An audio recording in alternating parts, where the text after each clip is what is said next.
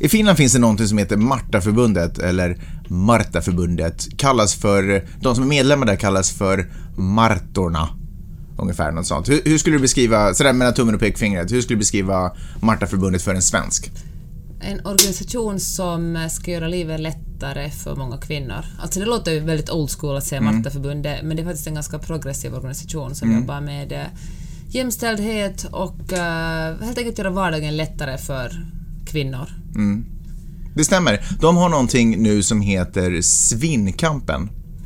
som handlar om att eh, finländare i medeltal slänger bort 24 kilo mat per person om året. Fatta 24 kilo. Och det här är liksom bara privata hushåll, då räknar vi inte ens med industrierna. Och eh, Martaförbundet tycker att det här inte bara är ett enormt slöseri med miljön, det är ju galet att vi liksom föder upp djur och, och odlar grejer för att sen bara kasta det i roskisen, utan också helt enkelt en ekonomisk belastning. Jag tror att det handlar om 400 miljarder, kan det vara så mycket? Vänta, jag har det här. Ja, nej, miljoner.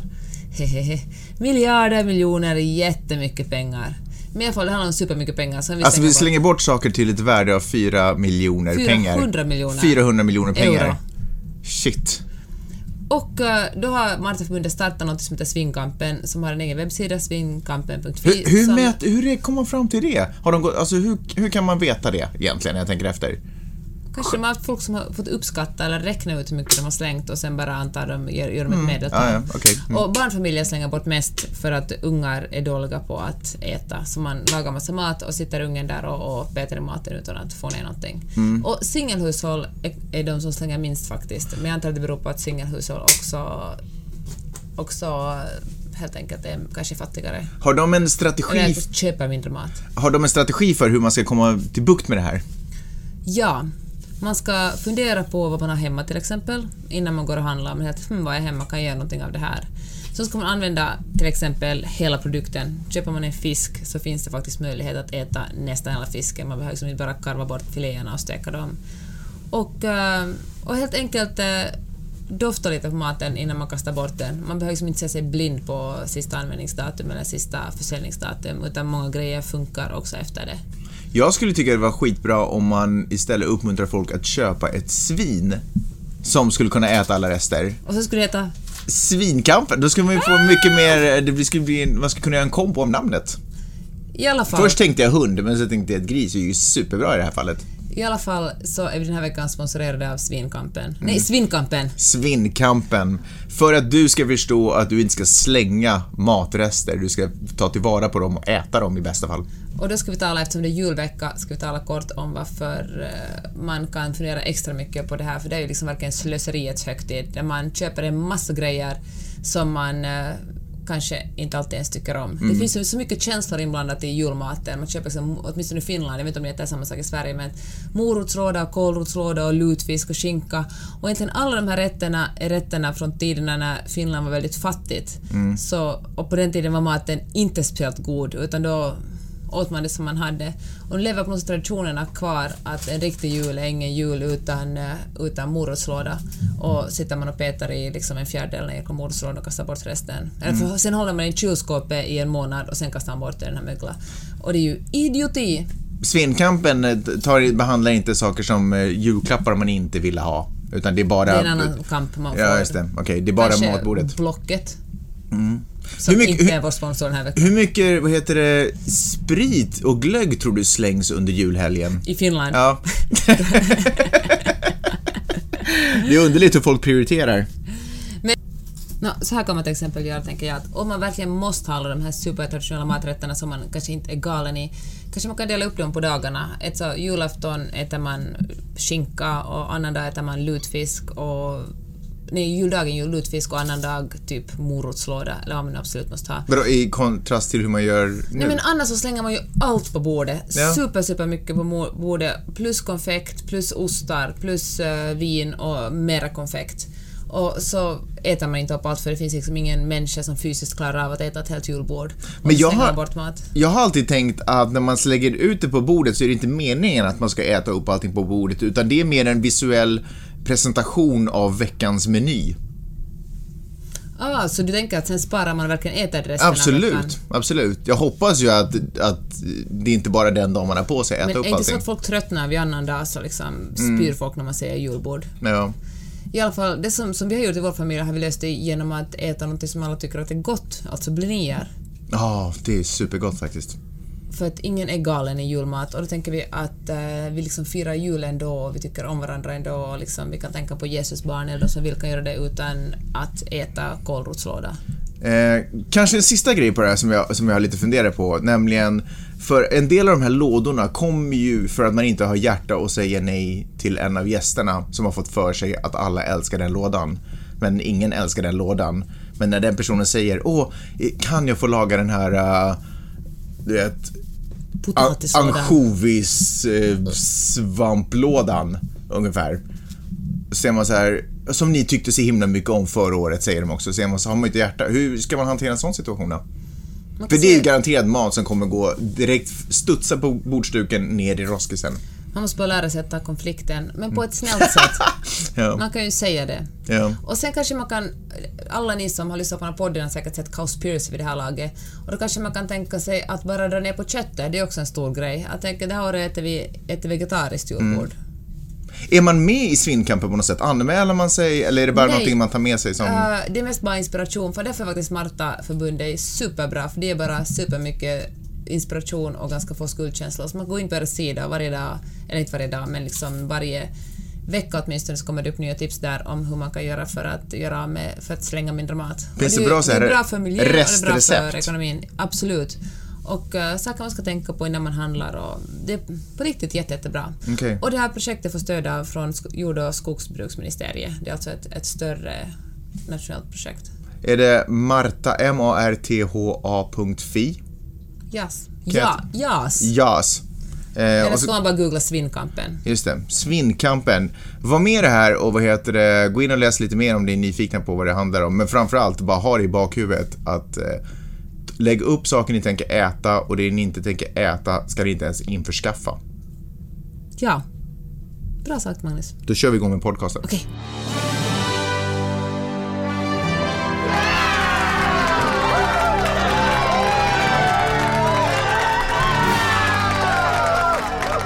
Hjärtligt välkomna till Magnus och Peppes podcast som sänds i, eh, på havet mellan Stockholm och Helsingfors. Ja, just nu är vi kanske närmare Åland om vi ska vara No man's land. No man's, jag har tänkt på det där med No Man's Land. Eh, sen Putin kom till makten så finns det väl inte riktigt någonting längre som är No Man's Land. Allt är Putins. Men Om det inte är en flagga så är det Putins. Jag tror, är det inte så? Så du menar att tekniskt sett är Ålands hav också Putins just nu? Nej men Ålands hav är väl Ålands. ändå Finland, eller väl ändå Ålands hav, Men precis. Finland är väl Rysslands bitch? Okej, fair enough. Naja. På ett eller annat sätt så kommer vi Så- alla bli... Folk håller på och snackar om att, eh, du vet, sätta sina barn och lära sig kinesiska och, och du vet, försöka, investera i framtid på det sättet. Jag säger ryska, det är framtidens språk. Vet du, på äldre Speciellt här uppe. Bara för några år sedan kom det fram att din pappa talar ryska. Ja. Hur sjukt är inte han har gått och smugit med det i hela sitt liv? Ja, Alltså, och eh, vår kompis eh, Cecilia Blankens snackar ju också ryska.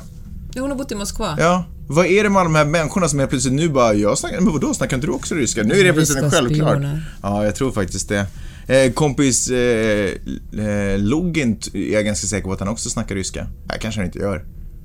Det är spännande för det finns Ja. ju ett Han kanske väldigt bara sluddrar när han pratar. stort rysk, rysk-hat i Finland. Åtminstone Nej, får man säga så? den äldre generationen åtminstone. Jag måste Ja, säga men att de min gillar ju inget. generation, De tycker ju alltid, det finns ju ett, det finns ju ett stort ungdomshat i så fall också kan man ju nästan säga. mm, och ett stort finsk-hat också. Mm, och ett eh, svensk grammatiskt hat.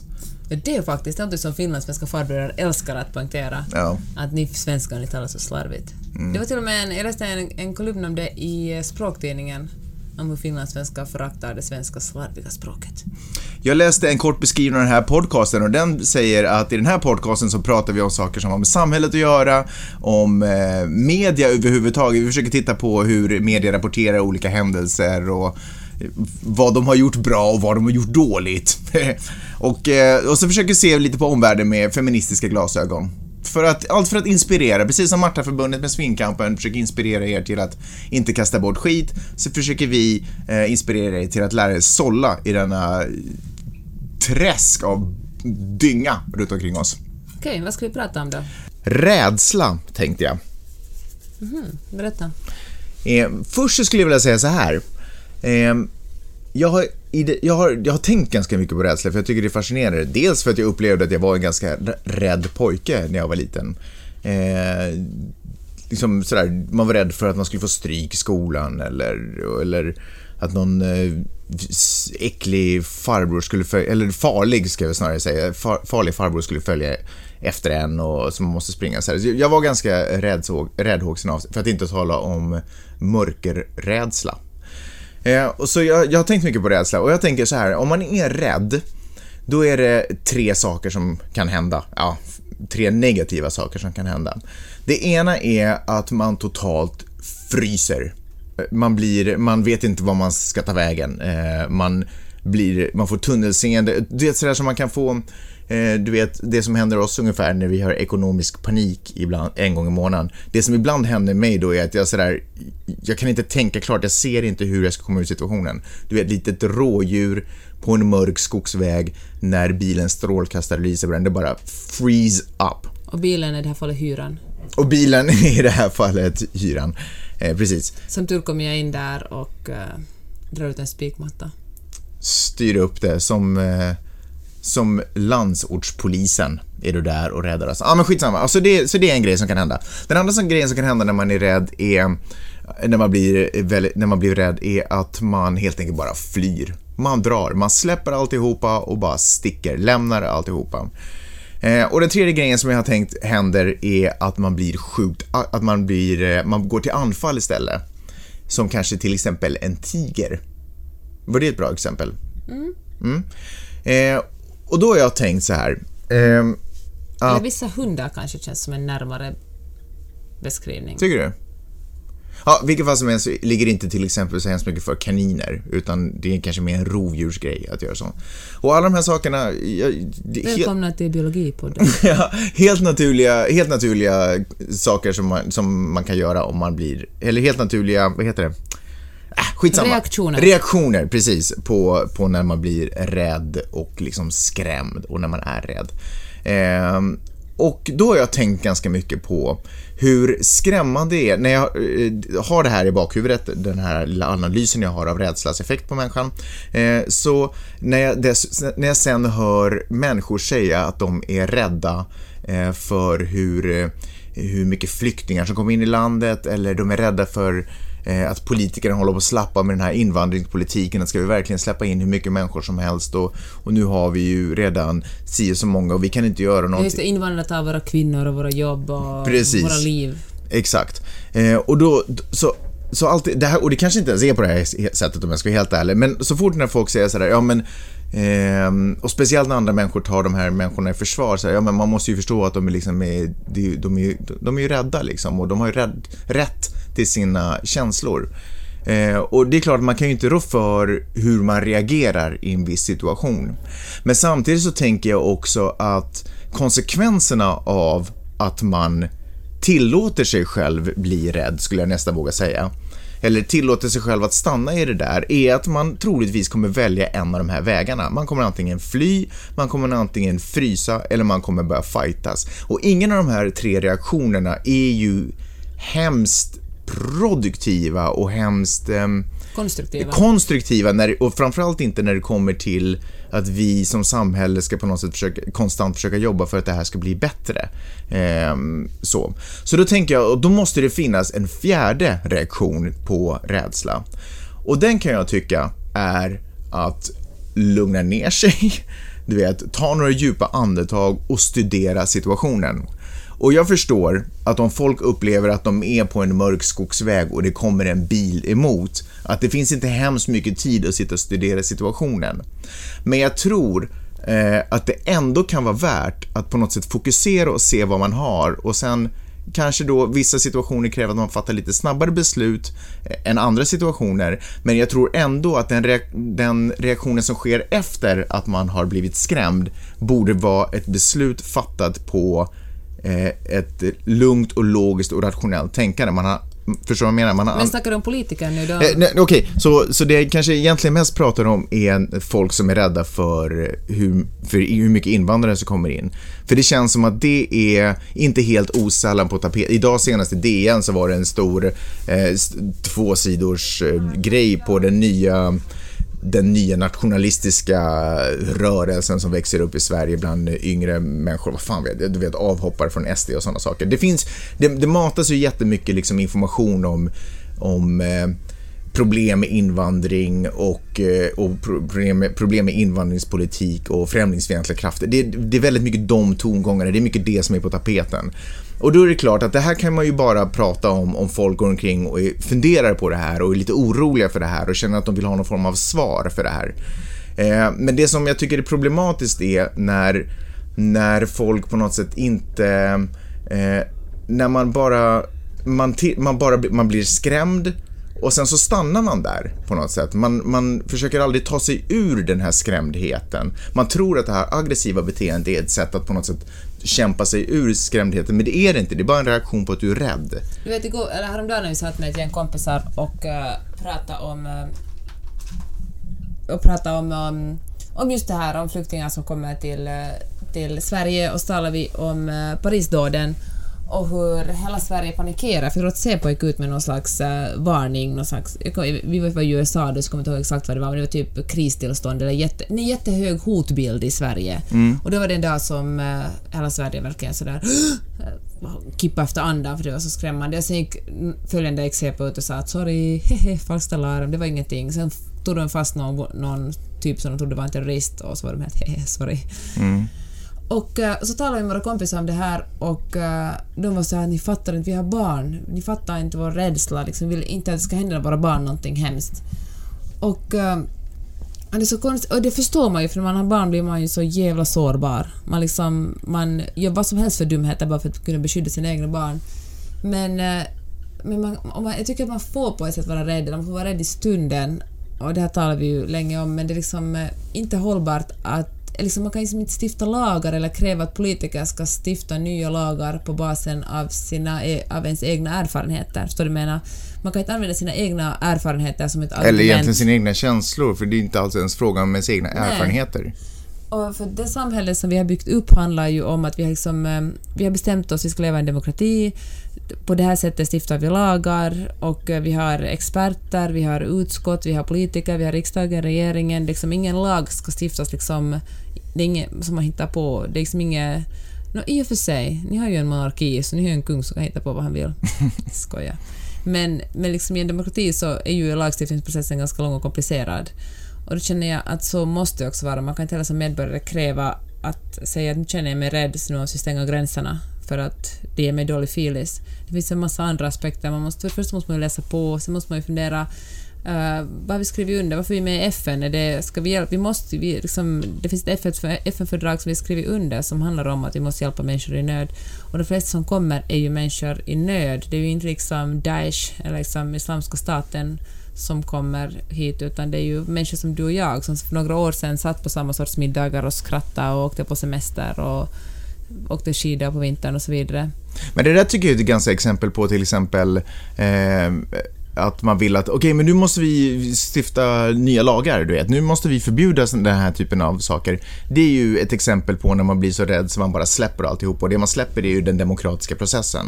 För den där typen av snabba beslut hör ju egentligen bara hemma i diktaturer. Det är ju bara där man kan sådär, ena dagen får man gå på den sidan av gatan, mm. andra dagen får man gå på den sidan. Och, och vi har ju ett ett trögt system på sätt och vis kan man ju tycka, men det tröga systemet är ju till för att skydda systemet. Så det är som när shejken i Brunei som sådär att den som firar julafton får fem års fängelse. Ja. Och, och jag tror att, eh, jag tror att det, eh, ja, skitsamma, men jag tror att jag på något sätt vill säga är att eh, man har ju rätt att bli rädd. Det går ju inte att förbjuda någon att reagera känslomässigt på, en, på någonting. Men jag tycker också att man har en skyldighet att också arbeta med den rädslan. Speciellt då när det handlar om saker som, han, som eh, handlar om vårt bevarande av samhället också, men också utvecklande av samhället. Då har man en skyldighet som samhällsmedborgare tycker jag mm. att, att arbeta med sin rädsla och komma över sin eh, du vet, fobi mot eh, andra kulturer och andra människor och allt sånt. Fast, fast det är inte nödvändigtvis det det handlar om i och för sig. Nej. Sen är det svårt också, där det var någon som berättade om hur den här, eh, en av de här Parisbombarnas mammor hade varit så att okej min son, ja, det är någonting på gång nu liksom, han mår dåligt, han kommer att göra något hemskt och hon hade inte fått hjälp. Och, och det är i och för sig en, annan, en sak att uh, inte få hjälp, liksom man vill ju gärna leva i ett samhälle där folk som mår dåligt får hjälp. Det är ju i och för sig svårt att, alltså tvångsomhänderta någon, det är ju praktiskt taget omöjligt, vilket kanske också är, på sitt sätt är bra, det finns ju också en orsak till att det finns sån lagstiftning. Men man kan ju inte heller liksom trots att det känns så tryggt om man säger att okej, att om du ser något misstänkt, om du ser någon som du tror att är lite sketchy, så anmäl, anmäl den. Men man kan ju inte heller skapa ett angivarsamhälle där folk går omkring och misstänker varandra och anger varandra för att eventuellt hålla på med någonting skumt. Liksom, det är ju... Det är ju inget öppet samhälle vi lever i idag. Nej. Det, Men du, kör bara. Eh, nej, det, precis. Och här kan jag tycka att då är det man säger, ja men varför då? Och, och, men det finns säkert, du vet, men varför ska man inte kunna ha det?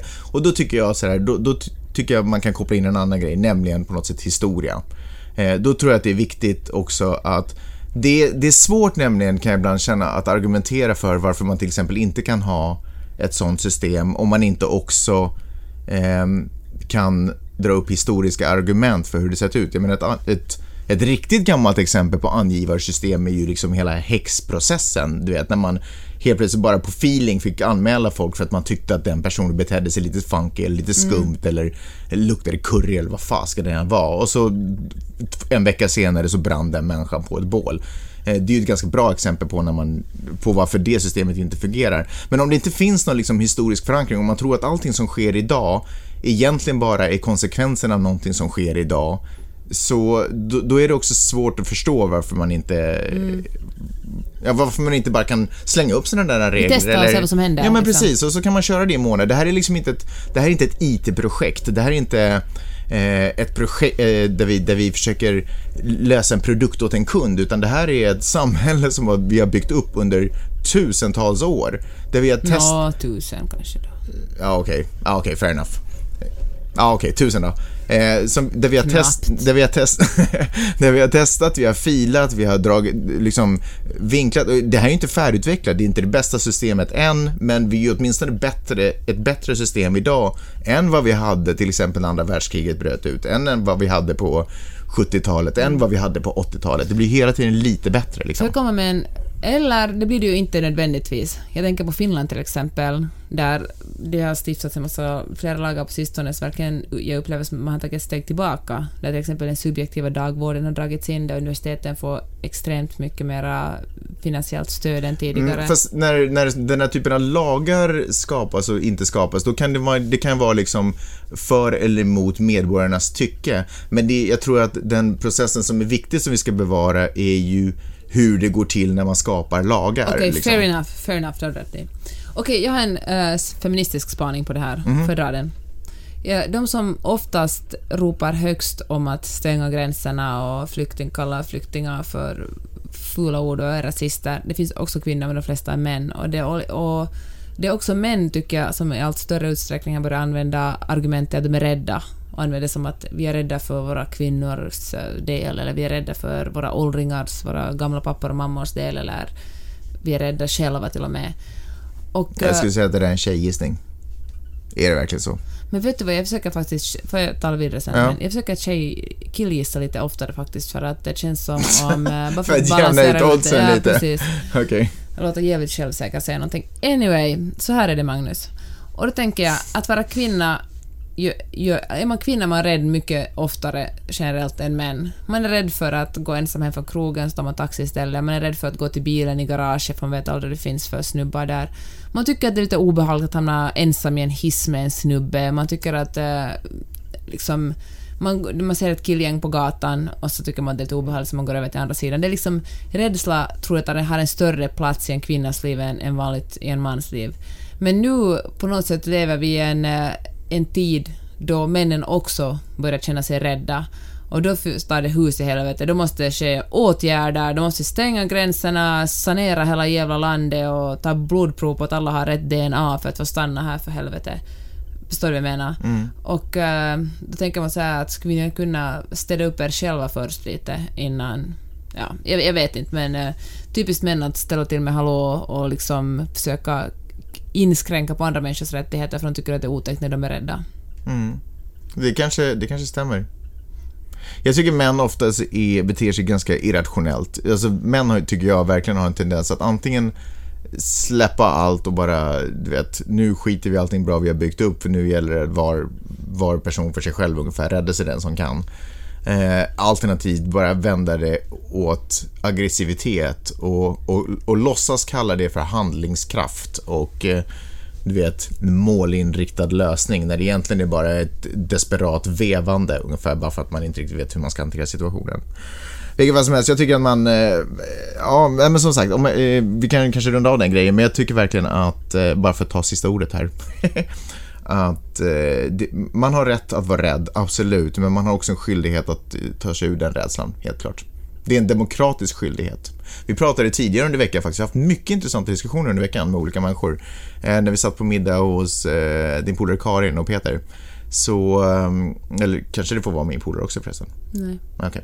Eh, då, och då snackade vi lite om demokrati och sådär. Och jag tror att jag vevade vilt där och tyckte att demokrati är också det är, inte, det är ingenting vi längre, vi kan inte ta det för givet. Det är inte någonting som bara kommer existera. Den dagen vi, om jag inte röstar så har jag också gett upp. Så, så då, då, liksom, då har jag sagt nej till demokrati i det ögonblicket någonstans. Även fast jag röstar och tänker att den kommer finnas kvar för det är så pass många andra som ändå gör det så har jag personligen ändå gått åt det hållet att jag inte arbetar för demokrati. Och, det, och den är så bräcklig någonstans. Ehm, så det måste man hela tiden kämpa för och hela tiden jobba för. Och, och, man får, det får vara obehagligt och det får vara skrämmande men man får inte tillåta sig själv att bli att, att vara rädd. Sådär. Mm. För, det, för då, då, kan man inte, då, kan man inte ut, då kan man inte göra ett gott demokratiskt dagsverk på något sätt. För man, då fattar man fel former av beslut. Jag tror alla fattar. Härligt. Ska vi ta in det här meddelandet från Siljalands personal? Okej. Okay.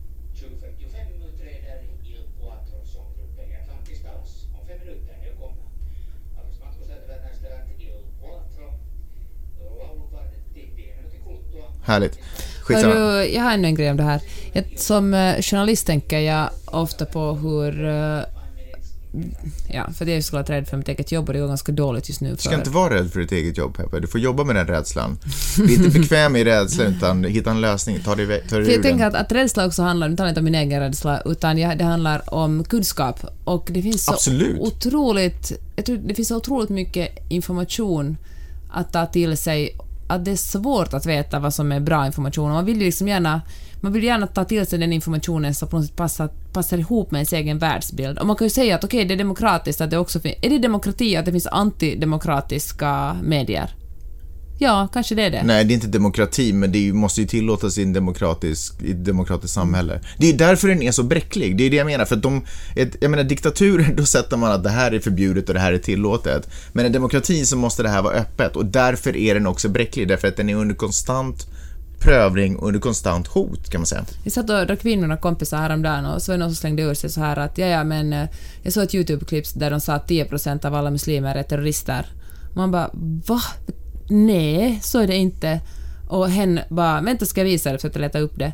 Och då tänkte jag att liksom en, en smart typ, liksom en vettig människa, och tänkte att man tänker ju alltid att folk som äh, tror att 10 procent av alla, det var kanske någonting som hen bara slängde ur sig och tycker inte, men, men liksom det är människor man respekterar, som tycker att, liksom, tänker att som läser tidningar och följer med TV-nyheterna och på något sätt snappa upp någonting så absurt liksom. Och äh, då tänkte jag hur jävla synd det är att det finns så lite resurser för uh, riktigt traditionell journalistik. För det fin- alltså jag jobbar ju på en, en tidning, har jobbat i tidningsbranschen i tio år snart.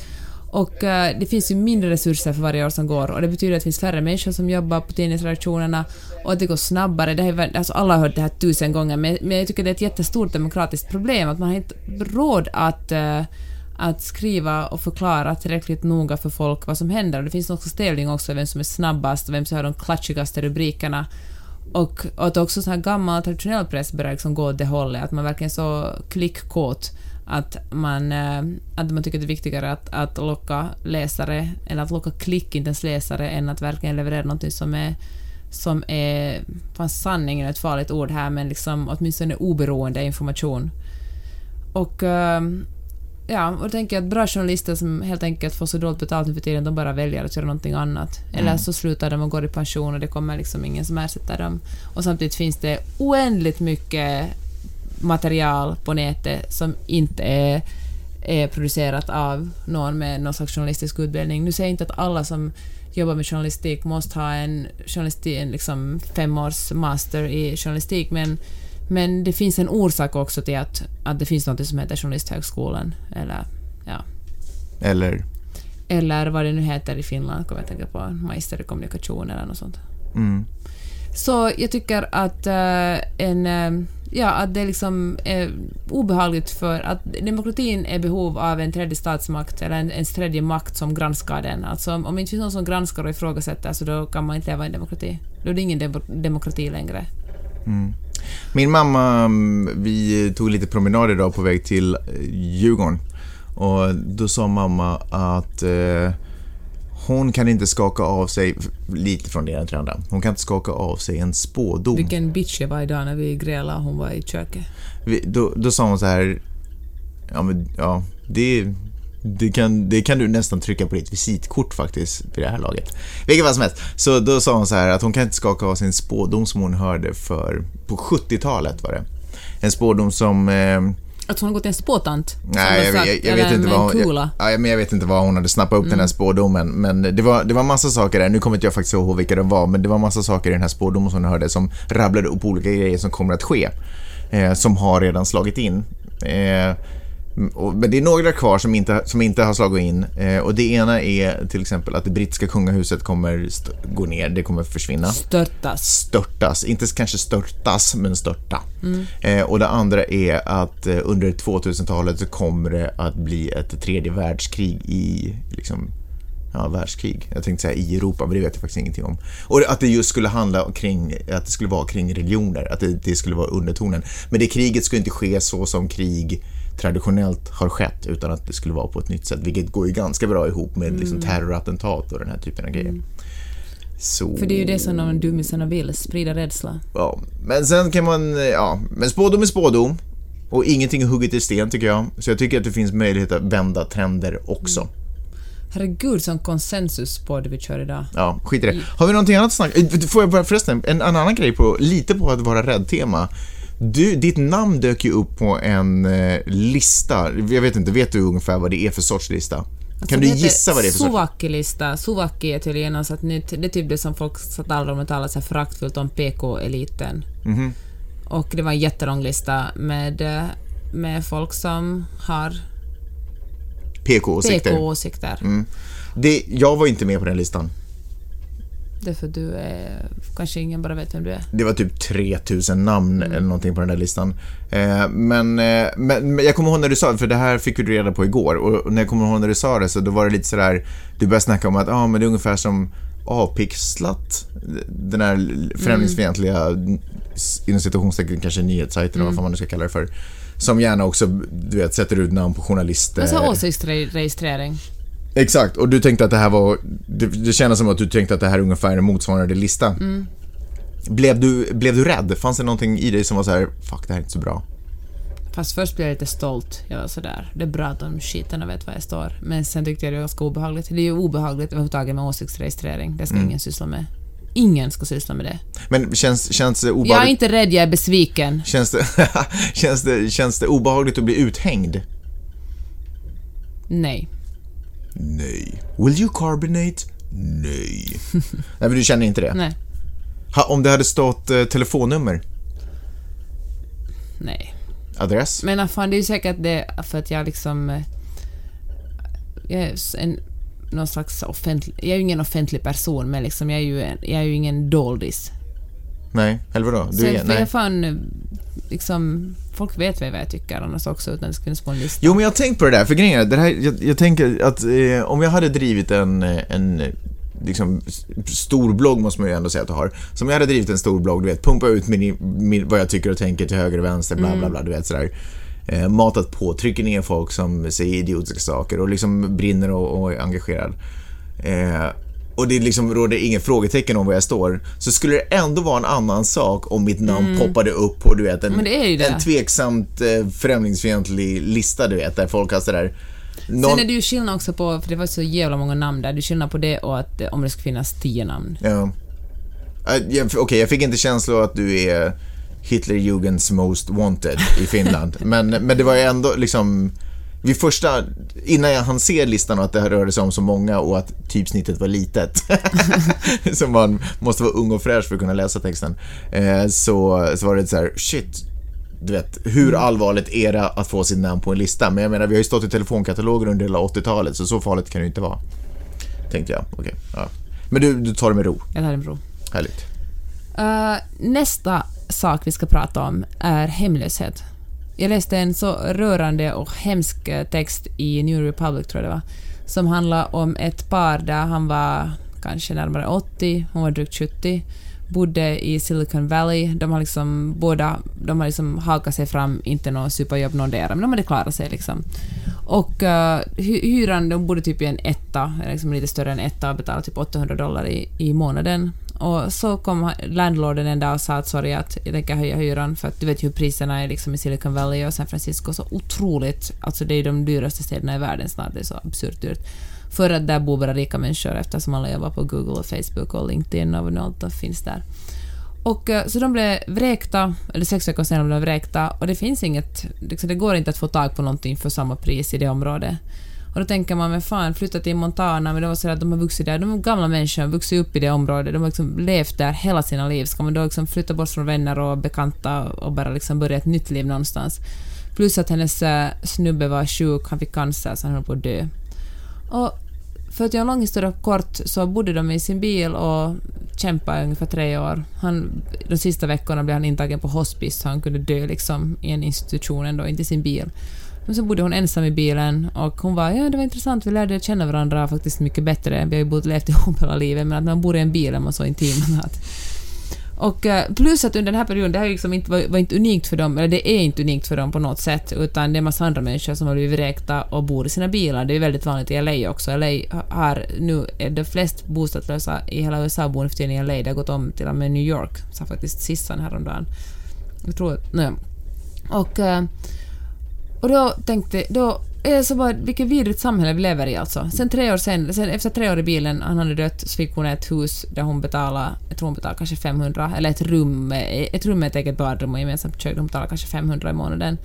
Och, och det får hon, hon liksom blir omvärderat varje år, så varje år måste hon gå igenom en ny process där socialen utvärderar om hon ska bo eller inte, och det är superbyråkratiskt och liksom hon lever på food stamps såklart, och, fast hon vill inte göra det. Och, och då tänker jag att vilket... Alltså fan, kapitalismen är nog jävligt ful. Alltså, det är nog folk som har så extremt mycket pengar, just och det, det området i Silicon Valley och liksom San Francisco-området, eller fucking hela Kalifornien, där folk har så jävla mycket pengar och så är det folk som verkligen har ingenting. Och det är så, tänk att vi liksom lever, det känns ju nästan som liksom ett 1800-tal där det fanns, finns liksom tiggare som man går förbi och så finns det adeln som har allt och man tycker att det är helt normalt, man liksom vänjer sig vid det. Att, uh, att fan, sorry, ni hade otur när, när korten, när man delade ut liksom Mm. lyckokorten. Ja. Och inte ens det faktiskt, Helsingin Sanomat hade idag en, en artikel som handlar om de riktigt rika, de som tjänar mer, var det mellan 50 000 i månaden och mer i Finland. Jag trodde inte det fanns sådana, det finns tydligen sådana. Och de, 75 procent av dem tyckte att de som är fattiga har bara sig själva att skylla. De är lata, brist på initiativ, liksom, de får, att, det, att på något sätt em, deras, att de, kan, de, har liksom, de har sig själva att tacka för sin rikedom och de som är fattiga har sig själva att skylla. Det är som om alla skulle börja på samma mållinje och ingen, liksom har nå, ingen snubblar någonstans utan alla bara springer och vissa är smartare än andra. Och det är väl extremt vanligt att man känner så här om man är privilegierad. Man vill ju känna att man har åstadkommit allt själv. Att man inte... Man, händelsevis råkar man komma då från en lite finare familj eller råkar ha möjligheter att läsa, utbilda sig eller... Eller en så enkel sak som att... Eh, jag vet inte, få en... Man får Men- en lägenhet och en studieplats. Liksom. Men alltså de företagsamma människorna är ju liksom som profeter i västvärlden. ja. Det är bara, Visst alla vill ja, veta, hur gör du? du vet, Richard Branson, Elon De- ja. Musk, liksom... eh, de bygger upp liksom f- hundratu, om inte tusentals liksom följare som bara vill veta hur, vad är nyckeln? Hur kan jag få leva det livet? De glider ju verkligen runt som profeter. Ja. Fan, en bra spaning där. Av dig. Nej men den där profetgrejen. Ja, okej. ja. Ja, i alla fall så tänkte jag, sätt är det ännu värre när barn och gamla människor hade så jävla svårt. Fan, våra föräldrar är snart i 70-årsåldern, så tänk om de skulle vara, bli så utsatta att de är tvungna att leva i en bil. Mm. Det skulle vara jobbigt för morsan har inte ens. Nej, var ska hon bo då? Hon får ja, bo hemma hos oss. din morsa är en survivor. Ja. Får jag... ehm, ja, nej, men jag håller helt med. Alltså, när du sa det där med, med kapitalismen och att det är bara fan inte the way to go. Det, det känns helt... Det känns... Men jag tror också att den här rädslan inför, inför flyktingar handlar om att folk är rädda för att själva måste gå ner i i att man inte längre kan, liksom att, att världen förändras, om man är rädd för det, man kanske man idag inte längre kan åka till Thailand på två veckor, man, måste, man kan inte längre ha två bilar, man kan precis. inte ha ett så stor lägenhet och, Nej. och shoppa sig lycklig, utan man måste, måste leva på ett annat sätt och att gå ner i, i eh, vad heter det, man går ner i liksom... Livskvalitet. Jag säger, li- men livskvalitet ja. är ju faktiskt inte, det finns ju annat som är livskvalitet. Livskvalitet är ju såhär carpe diem, mindfulness. Det säger du bara för att du är lite sådär hippie. Nej, men jag, försökte vara ironisk. Men eh, jag menar, alltså helt enkelt ha mindre pengar. Ingen vill ha mindre pengar. Nej. Men, eh, nej, nej, eller nej, nej det vill man väl inte. Eller ingen vill ha det sämre om man tror att man får, man, det- finns väl en, kanske lite en övertro också på vad pengar kan göra för människor. Och Fast att man, vi har ju kanske downsizat lite. Vi har ju liksom vi har ju mycket mer... downsizat, down, downsizat helt supermycket. Inte för att vi liksom valde det. Det är ju bara en, en, en fruktansvärd konsekvens av våra Att vi vill bo i LA. Ja, att vårt liksom, ansvarslösa beslutsfattande. Men skitsamma, det jag skulle säga, jag, jag kommer att tänka på en sån här grej. Eh, vad är liksom, till vilken, till vilken, till vilket pris är saker och ting värda att försvara? Alltså om, du vet, det, vet de ondaste och argaste religiösa fanatikerna glider in i eh, Sverige och bara nu ska vi ha den här skiten. Liksom. Vi ska ha allt. Till vilket pris är det? Jag förstår, okej, s- Fast jag tror inte att de som står högst upp och spelar Ultima Thule och liksom har vikingahattar på sig, Mm. eller hjälmar, jag tror inte att de står i främsta ledet och de modigaste när den här kampen börjar. nej. Jag bara tänkte om någon sådär st- stormar in i vår lägenhet och bara okej nu ska vi ha den här lägenheten. Så kan jag känna så här, ja men då flyttar vi någon, då drar vi någon annanstans. Mm. Liksom. Men det är klart att hela svenska folket kan ju inte bara dra någon annanstans. Och, Så men, det är som Syrien, Syrien, Men du vet, för- Syrien gör. Man pratar så här, ja men du vet, vi vill försvara det här fantastiska systemet som vi har byggt upp.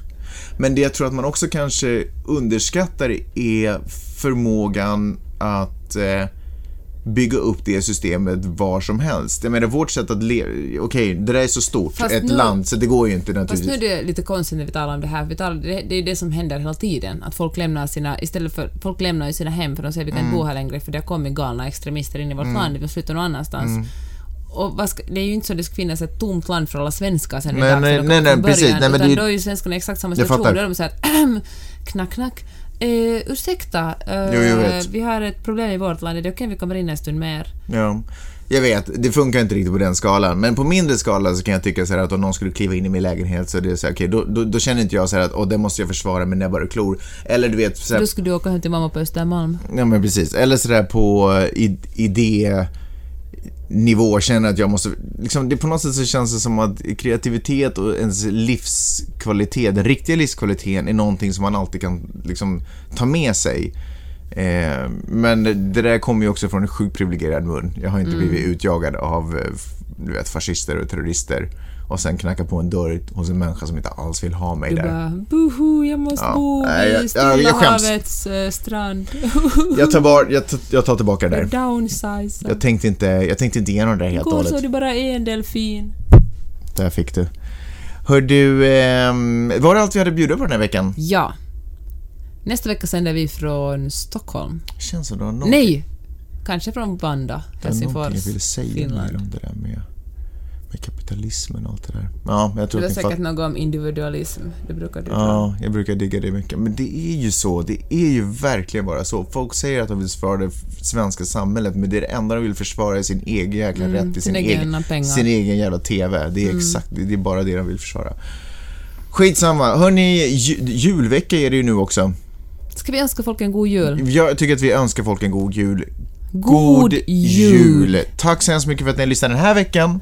Och jag vill säga en sak. Mm. i... eh, när vi kom till Stockholm fick vi vara med i Bra Snack, som är Nilles podcast. Och, det var också, så, och, Och- Anna Salins ja. podcast. Och det var också Kristoffer Triumf och du och jag. Och den kommer att sändas, den, den vi var med i, sänds den 30 i eh, 12. Dagen innan nyårsafton. Men det är en podcast så ni kan lyssna på den när som helst efter just den här dagen. Vilken jäkla förfest. Vad mer? Gör det. S- Ska inte namedroppa alla poddar? Så, ja, okej. Eh, Först börjar vi med att namedroppa den här podden. Magnus och Peppers podcast. Tack så hemskt mycket för att ni lyssnar på den här. Gå in och klicka på prenumerera-knappen. Skriv en kommentar om ni känner att ni, du vet, vad fan, ni har inte bättre. Ni vill vara lite schyssta, så då kan ni gå in och göra det. Bjucka på det. Eh, En av mina favoritpoddar, Anitas och Ans Lille Lördag. den ska ni absolut lyssna på. Super eh, rolig och smart. Den ska ni lyssna på. Ni ska också lyssna på Mellan raderna. Den har varit ett jättebra sätt för mig att med gott samvete inte läsa böcker. För att jag behöver bara lyssna på vad ni snackar om böcker, för ni läser ju för hela svenska folket och hela finska folket numera också. Eh, sen ska ni också lyssna på Blanken Svaberg, Sissan och Johanna. Sissan och Johanna. Och eh, jag hoppas att ni har riktigt, riktigt bra jul. Och hoppas att ni får jättemycket eh, paket tänkte jag säga. Ja, men hoppas ni får så Nej, jag hoppas att ni inte slänger bort någon mat. Bara äter upp allt som är gott. mycket. Just det, Kom ihåg, eh, Svinnkampen ska ni gå in och kolla på. det ska ni göra. Okej, ha det så bra. Hej, hej! Hej!